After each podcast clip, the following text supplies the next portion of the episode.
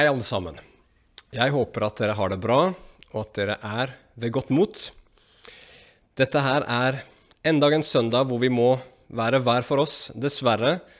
Og eh, hvis vi skal tro de signalene som regjeringen nå nylig har sendt, så kommer dette her til å vare en god stund fortsatt.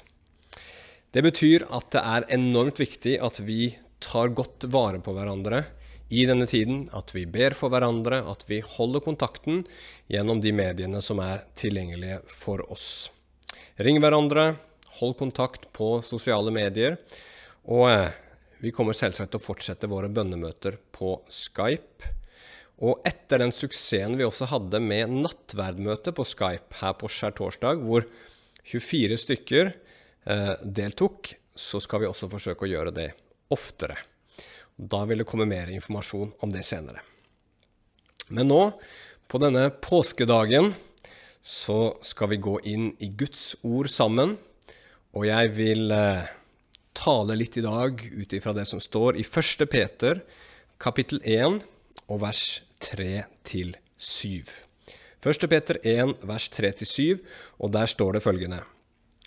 Lovet være Gud, vår Herre Jesu Kristi Far han som etter sin rike miskunn har gjenfødt oss til et levende håp ved Jesu Kristi oppstandelse fra de døde, til en arv som er uforgjengelig, uten flekker og uvisnelig, som er oppbevart i himmelen for dere, dere som ved Guds kraft blir bevart ved troen, til den frelse som er ferdig til å bli åpenbart i den siste tid. Over dette jubler dere, selv om dere nå en liten stund, om så skal være, opplever sorg ved mange forskjellige prøvelser for at den prøvede ekthet i deres tro, som er mye mer dyrebar enn gull som forgår, selv om det lutres ved ild, må bli funnet i lov, pris og ære ved Jesu Kristi åpenbarelse. Skal vi begynne med å vende oss til Gud i bønn. Å, kjære himmelske Far. Vi trenger deg. Vi trenger deg enormt mye hver eneste dag, Herre. Og vi trenger deg spesielt kanskje nå i denne krisen, hvor vi ikke kan samles og ikke komme sammen og ikke se hverandre og ikke ha det fellesskapet som vi pleier å ha her på Betel. Så Gud, jeg ber om din styrke til hver enkelt en i menigheten, Herre, hver enkelt som hører dette akkurat nå. Og jeg ber om at du skal bruke meg, Herre, gjennom denne videoen til å være talerør for deg, et talerør for ditt ord, Herre, som kan gi oss sannhet som setter fri, som kan gi oss trøst og oppmuntring, Herre, og rettledning som vi trenger. I Jesu Kristi navn. Herre, Hellige Ånd, virk på hvert enkelt hjerte, og bruk meg som du vil nå. Amen. I dag så er det påskedagen, og på den dagen for eh, snart 2000 år siden, det som i Bibelen kalles for den første dag i uken, altså en søndag, så leser vi om en gruppe kvinner som er på vei til graven for å stelle Jesus sin kropp. Han har blitt henretta to dager tidligere ved korsfestelse, og siden dette foregikk rett før sabbaten, så har de ikke fått tid til å gi han den behandlinga som de skulle ønske, og de har måttet vente på sabbaten og hvile. Og det har sikkert vært en veldig lang helg, både for disse kvinnene og for de andre disiplene til Jesus. Eh, for Jesus har ikke bare vært en kjær venn for dem, men han har vært en person som de har håpa på, en de trodde skulle komme og oppfylle alle de løftene som det sto om i Det gamle testamentet, som Gud hadde planlagt for sitt folk. Og at Jesus nå var død på en så brutal måte, på en sånn kontant måte, må nok ha fylt både Jesus sine venner og, eh, og hans nærmeste med, med dobbel sorg og mange spørsmål. Og nå, som sola står opp, og disse kvinnene er på vei til graven for å gjøre det siste de kan for Jesus, så får de seg en stor overraskelse. Denne morgenen blir annerledes enn de har tenkt. Når de kommer til graven, så finner de den store steinen som var lagt foran. Den har blitt rulla vekk. De kommer inn, graven er tom, de ser bare de klærne, det tøyet som Jesus hadde blitt eh, tylla inn i da han ble lagt i graven. Og så dukker det opp noen engler, forteller dem at Jesus har stått opp fra de døde. De løper og forteller det til de andre disiplene, men de vil ikke tro før Jesus selv dukker opp. Og da blir langfredags sorg byttet ut med påskemorgens glede. Og Dette her er en historie som er kjent og kjær for oss, som vi har hørt mange ganger. Og vi kan tenke at det er en type historie som er sånn som mange historier er. Nemlig at det er en helt som ser ut til å være død, men pga. visse omstendigheter så viser det seg at han allikevel er levende. Og så blir liksom alt bra til slutt. Men denne historien her, den er så mye mer enn bare en sånn historie. Og de versene vi nettopp leste fra 1. Peters brev, forsøker å forklare det for oss. Når vi leser påskefortellingen, så får vi veldig mye informasjon om hva som skjedde, og det blir understreka at det skjedde, men det brukes veldig lite tid på å si noe om hvorfor det skjedde, og hva det betyr for oss. Og det er det Peter holder på med her nå. Han forklarer oss at Jesu oppstandelse fra de døde, det betyr håp. Og håp det er noe som jeg tror vi nesten ikke kan leve uten. Det er håp som gjør at vi gjør kanskje alt det vi gjør. Iallfall det meste. Når du planter et frø i bakken, så gjør du det fordi du har håp. Når du begynner på en utdannelse, så gjør du det fordi du har håp. Når du stifter familie, så gjør du det pga. håp. Og det er også håp som får oss gjennom de vanskelige tidene med smerte, sorg og utfordringer som vi alle sammen må gå igjennom. Og håp, det er troen på at de gode tingene som vi ønsker, de er mulige. At de kan skje. At ting kan bli bedre. Men det kristne håpet, derimot, det tar det mye lenger enn som så. Det kristne håpet kan uttrykkes i de tre ordene jeg så i Stavanger her om dagen, hvor jeg var innom en tur på skjærtorsdag og frøys litt. Og da sto det på en bygning med hvit skrift på grønn bakgrunn tre ord Alt blir bra. Det er en fin oppsummering av det kristne håpet, og det er dagens overskrift. Og Vi skal se på disse versene som vi nettopp har lest, og vi skal snakke om at alt blir bra på grunn av håpets opphav, av håpets natur og av håpets pålitelighet. Og Vi skal begynne med det første punktet håpets opphav. Peter han begynner dagens tekst med en lovprisning. Peter han gir Gud ære for dette håpet, og han gjør det av to grunner. For det første så gjør han det fordi at det er et fantastisk håp. På hvilken måte er det håpet Gud vil gi oss, fantastisk? Jo, han beskriver det, Peter, i vers 4 og snakker om en arv. Vi kan også oversette det en rikdom, som er uforgjengelig. Det er noe som ikke skal dø. Han sier det er noe som er usmittet, altså noe som er helt rent og, og, og, og, og rensa fra alt ondt og alt vondt. Og den arven er noe uvisnelig. Det vil si at den aldri kommer til å miste sin skjønnhet, og den er gjemt for oss i himmelen. Og det betyr at vårt håp er at vi en dag skal få lov til å erfare og oppleve fullkommen trygghet, tilfredshet, glede i Guds nærhet, og der skal vi være i all evighet. Og Det er derfor vi kristne kan si at vårt håp er at alt blir bra. For alt kommer til å bli bra, alt kommer til å bli ufattelig bra på den dagen. Så Peter han gir Gud ære fordi at dette håpet er så fantastisk.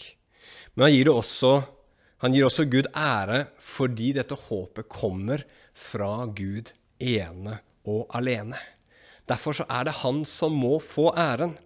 Dette håpet det kommer ikke fra mennesker som deg eller som meg, men det kommer fra Guds miskunn, og det kommer fra Guds kraft, som ble demonstrert da Jesus sto opp igjen fra de døde. Det ene, miskunn, Guds miskunn, det svarer på spørsmålet om hvorfor Gud gjør dette, og det andre om Guds eller Jesu oppstandelse, det svarer på hvordan Gud gjør dette. Så hvorfor i all verden vil Gud gi oss dette håpet? Hva vil det si at Gud gir oss dette håpet gjennom sin miskunn? Jo, hans miskunn det har med hans barmhjertighet, hans nåde og hans trofasthet å gjøre. Gud gir oss ikke nåde fordi han syns vi fortjener det. Han gir oss ikke håp fordi han syns vi fortjener det. Det ville vært rettferdighet, det. Nei, Gud gir oss dette håpet, dette evige håpet, på tross av at vi ikke fortjener det, men på grunn av at Han er god. For det andre, hvordan? Hvordan gir Gud oss dette håpet? Hvordan gir Gud oss dette håpet, som det står her, ved Jesu Kristi oppstandelse fra de døde? Vel, når vi snakker om oppstandelse, så må vi jo først snakke om død. Og Derfor må vi svare på spørsmålet hvorfor døde Jesus? På den ene siden så er det tydelig i Bibelen at Jesus ble offer for justismord. Jødene de anklaget han falskt, og romerne dømte ham til døden på tross at de visste at det ikke var noen skyld hos ham. Men samtidig så gjør Bibelen det klart at da Jesus ble drept, da han døde på korset, så skjedde det fordi Gud hadde bestemt at det skulle skje. Gud, Faderen, han fører Sønnen, Guds sønn, villig til korset for å dø. Hvorfor det? Jo, for at Gud selv kunne ta på seg alle menneskers synd, at han kunne ta på seg konsekvensen av våre synder og straffen for våre synder, betale for vår synd, gjøre opp for vår synd og sone for vår synd. For at urettferdige mennesker som deg og meg skulle få muligheten til å få det evige livet hos Gud. Og når det har skjedd, når Jesus har sona for synden, så må han stå opp fra de døde. Hvorfor det? Jo, fordi Bibelen forklarer at døden kom inn i verden på grunn av synden. Først synd, så død.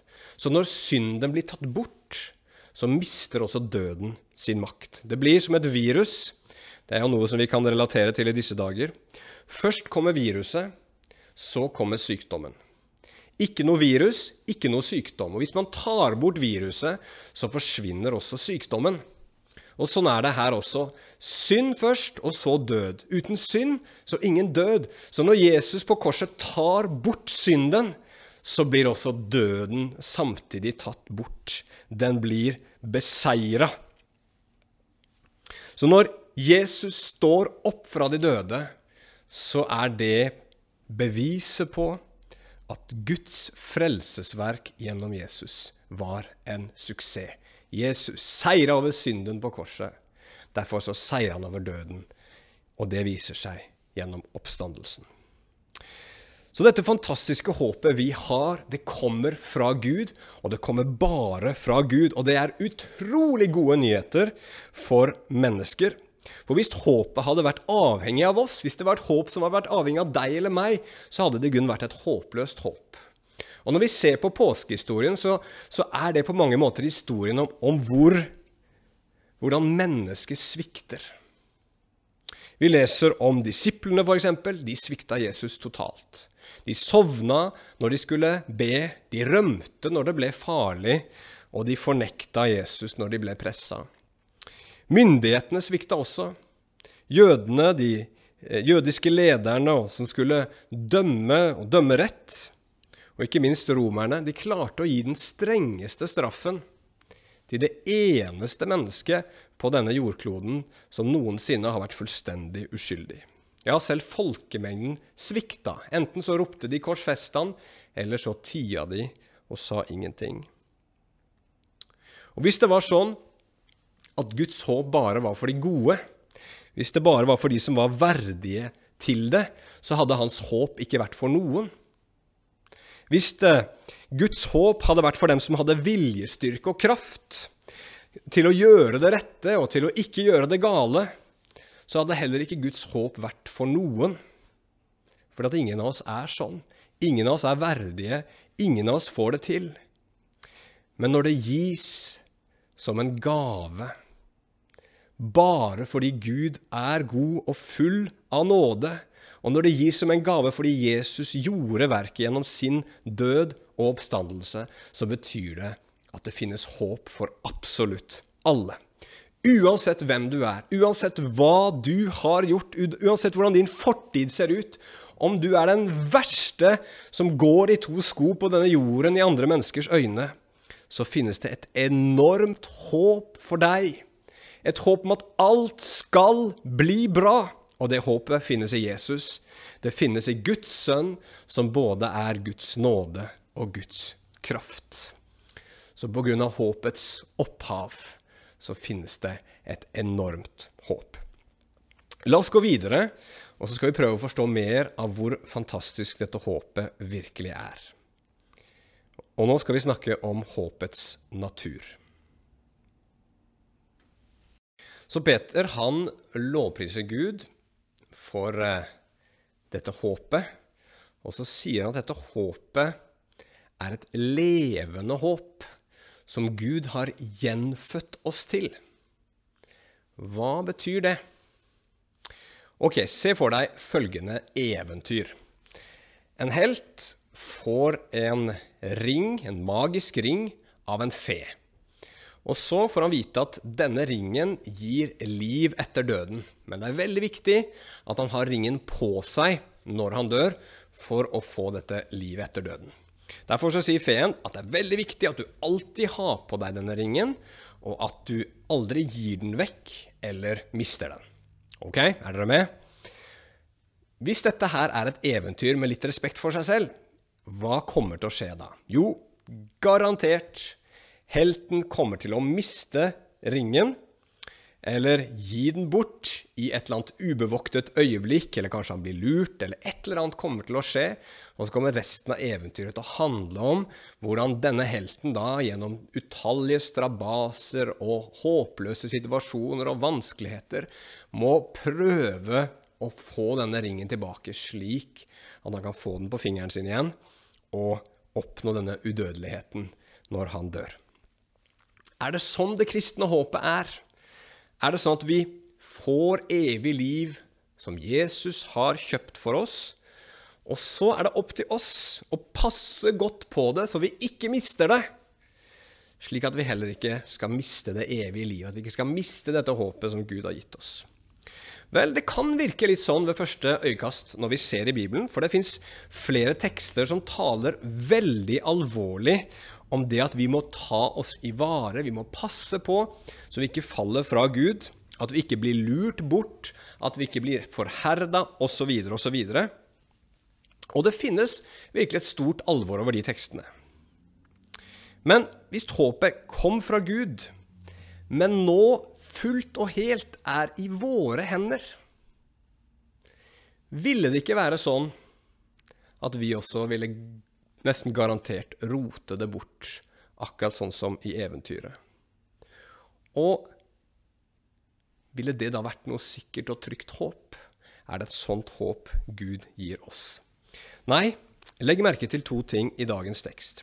For det første så sier Peter at dette håpet kommer av at vi blir gjenfødt, eller det kunne også vært oversatt med 'født på nytt'. Og hva betyr det? Jo, dette er det samme som vi eh, hører om i Jesus sin samtale med Nikodemus. Der sier Jesus at bare den som blir født på nytt, kan komme inn i Guds rike. Og Så spør Nikodemus ja, hvordan kan det skje. Og Da svarer Jesus jo det skjer ved Den hellige ånd, som er som vinden som blåser hit og dit. Det er Han som føder på nytt. Og hvordan får man Den hellige ånd? Jo, Jesus fortsetter med å forklare at det skjer gjennom Johannes 3,16. For det skjer nemlig i det kapitlet, Johannes 3, og vers 16, hvor han sier at Gud så høyt har elska verden at han ga sin sønn den eneste, for at hver den som tror på han ikke skal gå fortapt, men ha det evige livet. Ved troen på Jesus så kommer Den hellige ånd inn i våre hjerter, føder oss på nytt til et evig liv. Og dette nye livet som vi får gjennom Den hellige ånd, det livet bruker Bibelen veldig sterke ord om. For eksempel så står det i Romerne 5 og vers 5 at håpet, altså dette håpet om Guds herlighet, det svikter ikke. For Den hellige ånd er, eller Guds kjærlighet er utøst i våre hjerter ved Den hellige ånd, står det. En annen plass, i Efeserne 1, så står det at Den hellige ånd er pantet på vår arv. Altså en sikkerhet som beviser at vi en dag skal få den evige arven. At vi en dag skal få det evige livet. Så med andre ord så er det sånn i Bibelen at nærværet av Den hellige ånd, at Den hellige ånd har kommet inn i våre liv, han som ofte kalles også for Guds kraft, han gir oss sikkerhet om at vi skal få det vi håper på. Og Det er det som også understrekes her, og som er ting nummer to jeg vil at du skal legge merke til fra teksten. og Det står i vers 5. Og Der står det:" Dere som ved Guds kraft blir bevart ved troen. Guds kraft, et annet ord på Den hellige ånd, til den frelse som er ferdig til å bli åpenbart i den siste tid. Ved Guds kraft, står det her, blir vi bevart ved troen, sånn at vi kan få ta imot frelsen. Så hvis du har tatt imot Jesus, hvis du har fått Den hellige ånd gjennom frelsen, så vil Gud bevare deg gjennom hele livet. Hele livet. Du får ikke en ring som du lett kan miste, men det er en person, det er Gud selv, som flytter inn på innsiden av deg og gir deg et helt nytt liv. Det er noe som skjer med deg som menneske. Hva da med alle disse versene i Bibelen som jeg nettopp nevnte, som advarer oss mot å falle fra? Vel, jeg er ikke helt sikker på hvordan det henger sammen fullstendig, men jeg tror kanskje det er best å tenke på denne måten her. Nummer én lev som om enhver synd kunne føre deg bort fra Gud, og sky hver eneste synd som pesten. Ikke gå på et lite kompromiss. Ikke aksepter lite grann, men, men, lev som om hver synd har potensial i seg til å føre deg bort ifra Gud. Det er den ene siden. Og skal du samtidig leve sånn at du ser på Jesus, ser på det fullbrakte verket, og hviler fullstendig i det Gud har gjort, uten å bygge noe av ditt eget liv og ditt forhold til Gud på det du har gjort selv. Du tror at det er han som skal gjøre det. Det er han som skal redde deg. Det er han som skal frelse deg. Tenk på det. Døden selv kunne ikke holde på Jesus. Hvor mye mer skal ikke Gud da kunne føre oss gjennom dette livet her, til det evige livet? Bibelen sier helt klart at det finnes ingen kraft i denne verden som er i stand til å skille oss fra Guds kjærlighet. Så Derfor kaller Peter dette her for et levende håp. Ikke bare et håp, men et levende håp. Og det, det kan være flere grunner til at han gjør det. men Tenk i hvert fall på det her. Alle håp vi har her nede på jorda, det er det vi kan kalle for døende håp. Da jeg var eh, i Stavanger og så dette skiltet 'Alt blir bra', med hvit tekst og, og grønn bakgrunn, sikkert fordi at det er håpets farge, så vil jeg tro at det ble satt opp i forbindelse med koronakrisen. Og de mener sikkert at dette, dette går over. Men det er ganske misvisende allikevel, for det betyr jo ikke at alt blir bra. Og det blir ikke bra alt sammen, rett og slett fordi at alle våre håp er døende. Du håper kanskje på et bedre liv, og det er mulig at du får det. Men det kommer ikke til å vare. Men det kan også hende at du ikke får et bedre liv i det hele tatt. Det der håpet du har, kan dø. For det blir noe av det i det hele tatt. Kanskje håper du på bedre helse. Det kan du få, men det vil ikke vare. Kanskje håper du å finne noen å dele livet med. Det også kan skje. Men en dag så blir den personen du har delt livet ditt med, tatt ifra deg. Alle håp her nede kommer til slutt å forsvinne, og det er garantert fordi døden til slutt vil stjele det fra deg. Men det håpet vi har, det er ikke døende, det er levende. For det er ikke bare sånn at døden ikke kan ta det håpet fra deg. Det håpet som vi har som kristne, er et håp som blir større som vi får se fullheten i, og som vi får nyte alle gleden og velsignelsen over den dagen vi dør. Så døden er ikke noe du og jeg som tror på Jesus, trenger å frykte. døden blir for oss som tror på Jesus, starten på noe mye bedre. Så dette håpet, sier Peter, er så levende at det til og med vekker jubel. Og Dette skrev han jo selvsagt ikke til nordmenn, men eh, mennesker som antageligvis da viste glede på utsiden òg. Vi nordmenn kan jo nøye oss med å holde det på innsiden. Og noen vers seinere står det faktisk om usigelig glede. Og det passer jo veldig bra for oss nordmenn. sant? En glede som ikke kan uttrykkes. Så da er det greit. Da kan vi bare holde han på innsiden. Men dette her er altså en, et håp som gir en enorm glede. Det er en enorm ressurs i livet å kunne ha denne jubelen på dypet av sitt hjerte, for du vet at alt kommer til å bli bra. Alt blir bra til slutt. Ja, det står til og med videre her at dette håpet er så levende at det virker selv i sorg. Og mange slags prøvelser, står det her. Og Peter han spesifiserer ikke hva slags prøvelser han mener, men jeg tror det er trygt å anta at han mener det meste som vi mennesker kan møte som mennesker, og som alle mennesker møter, av sorg og sykdom og smerte, svik, usikkerhet, fordømmelse, avvisning, i tillegg til den spesifikt kristne lidelsen som vi erfarer når vi møter f.eks. For forfølgelse eller forkastelse pga. troen. Og på hvilken måte virker håpet midt i dette vanskelige og vonde som vi må gå gjennom i dette livet her? Jo, ved at det håpet du og jeg har, det gir selv vår lidelse mening.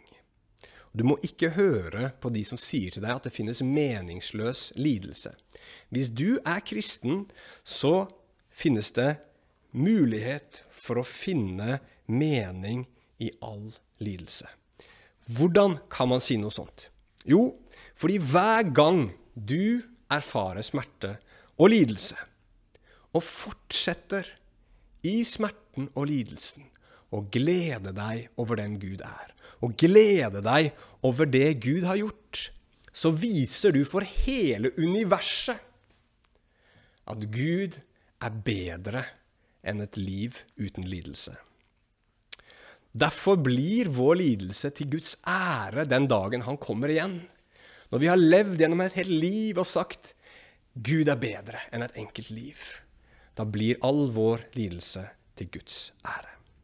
I tillegg forteller Bibelen oss, det står det ikke spesifikt om her, men det står det andre steder, at vi blir forvandlet og forandret til mer Kristuslikhet gjennom de lidelsene som vi går igjennom.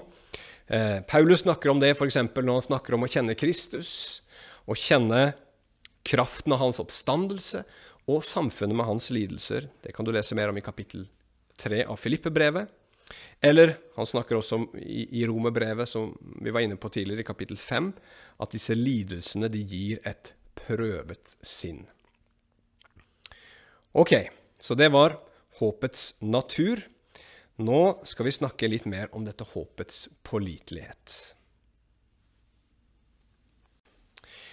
Fordi at vi mennesker, alle sammen, innerst inne vet at alle våre håp er døende, så er også verden full av religioner som gir oss et håp om noe mer etter dette livet.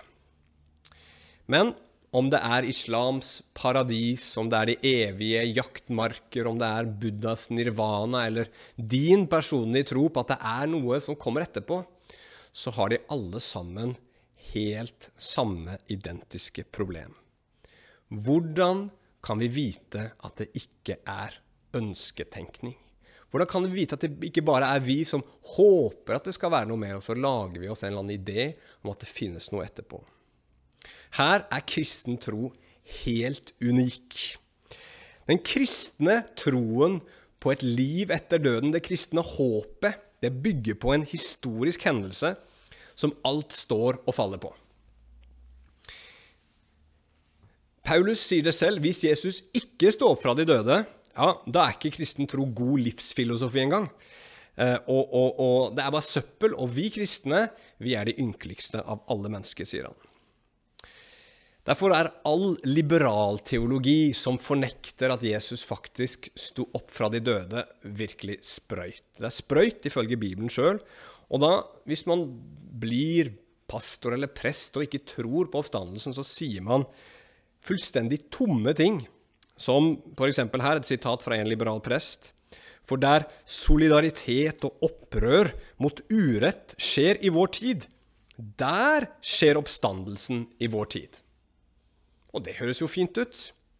Vel, hvis det blir gjort opprør mot urett, så skjer det veldig ofte at de som gjør opprør, og så får makta, plutselig begynner å bli de som gjør urett. Der hvor det skjer opprør mot undertrykkelse, fører det ofte bare til nye former for undertrykkelse. Det fins ikke noe håp i det der. Det blir bare det samme gamle om igjen og om igjen. Hvis håpet bare skulle være i denne verden. Men hvis Jesus virkelig står opp fra de døde, så er dette det viktigste som noensinne har skjedd.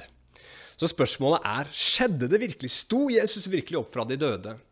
Og svaret på det er ifølge Bibelen ja.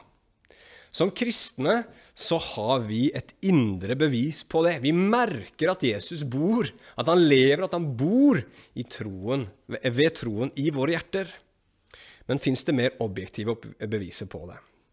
Vel, de første kristne de var fullstendig overbevist om at Jesus virkelig hadde stått opp fra de døde. og Derfor så snakka de om oppstandelsen hele tiden. Det kan du se i apostlenes gjerninger spesielt.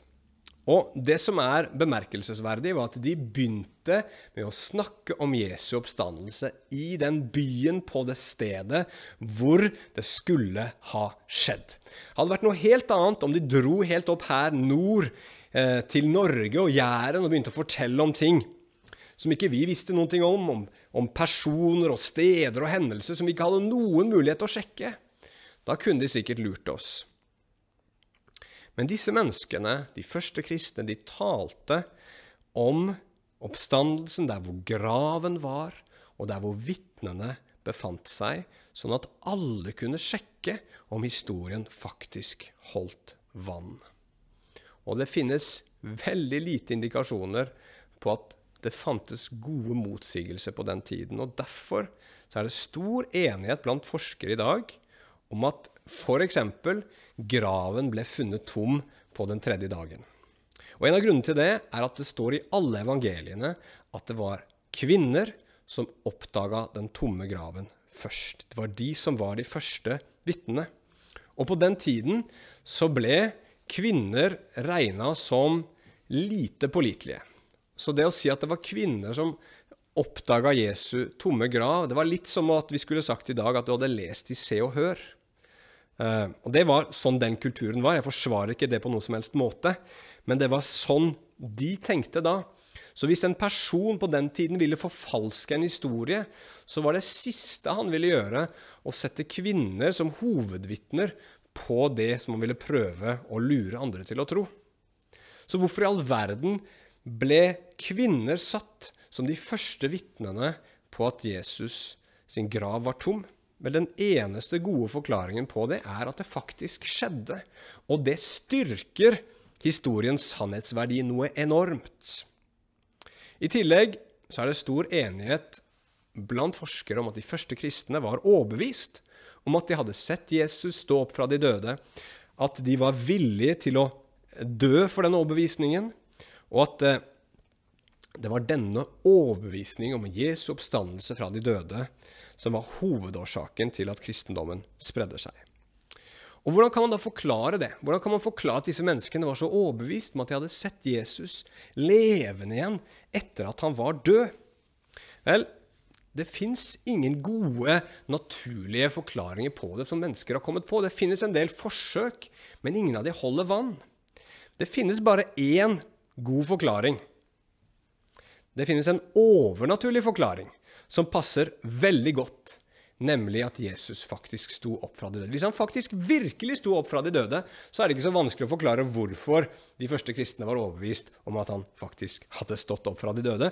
Og rent historisk så taler alt i den retningen. Det Problemet ligger ikke på det historiske, men mer på det filosofiske. At man ikke kan tro at det fins en Gud, at man ikke kan tro at han kan reise mennesker opp fra de døde, osv., osv. Så vårt kristne håp det er ikke noe usikkert, sånn som menneskelig håp er.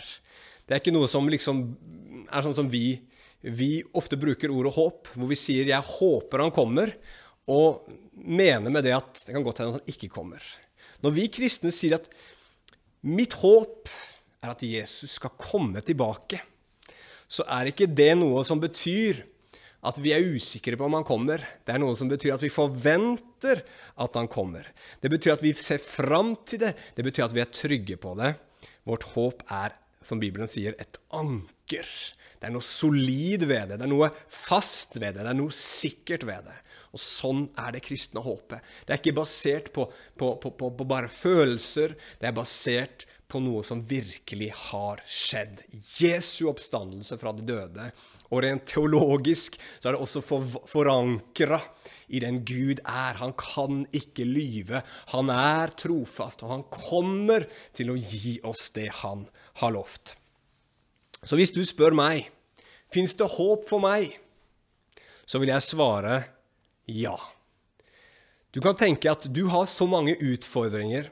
Du har en sånn umulig personlighet. Du har så mye synd. Du har sånne vanskelige omstendigheter. Ditt liv virker så umulig. Fins det noe håp for meg? Og da er svaret igjen ja, det finnes håp, men håpet fins ikke i deg. Håpet fins ikke i denne verden eller noe som er her nede.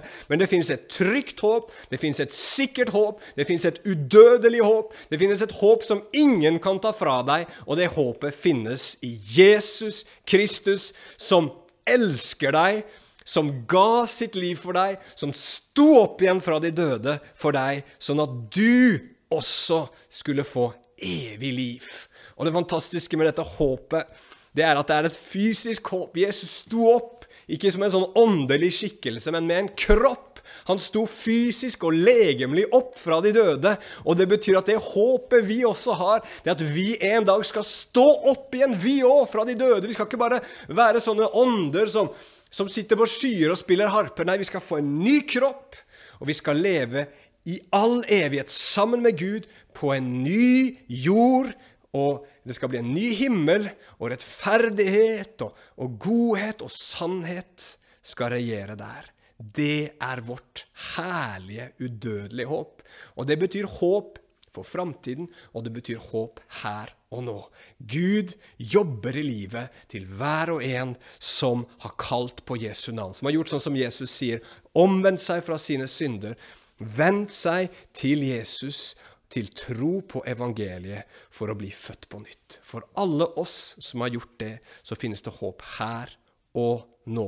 Livet ditt blir kanskje ikke sånn som du har tenkt, men jeg kan love deg at det blir sånn som Gud har tenkt. Og han kommer til å føre deg hele veien igjennom, inn i en evighet, hvor det vi har her nede, bare blir småtterier. Det blir bleikt og svakt og pinglete.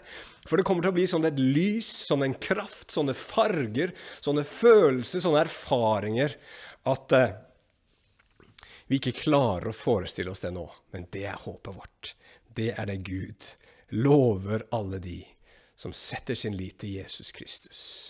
Som blir gjenfødt til et levende håp ved Jesu Kristi oppstandelse fra de døde. La oss be til slutt. Kjære himmelske Far, og jeg bare takker deg for dette håpet lever. Herre, det lever i mitt hjerte, ikke fordi jeg er noe spesielt, men fordi du er noe spesielt. Og det lever i hjertet på alle de som sitter og hører på dette her og tror på deg. Herre, bare oppmuntre dem i håpet, Herre Jesus. Og det kan leve også i alle som hører dette og sier, Jesus, kom du også inn i mitt liv og gi meg et levende håp. Herre, jeg ber deg at vi skal bli mange mange som får ta imot dette håpet og blir med Herre Jesus inn i det evige livet sånn som du ønsker for absolutt alle mennesker. I Jesu Kristi navn. Amen. Det var alt for i dag.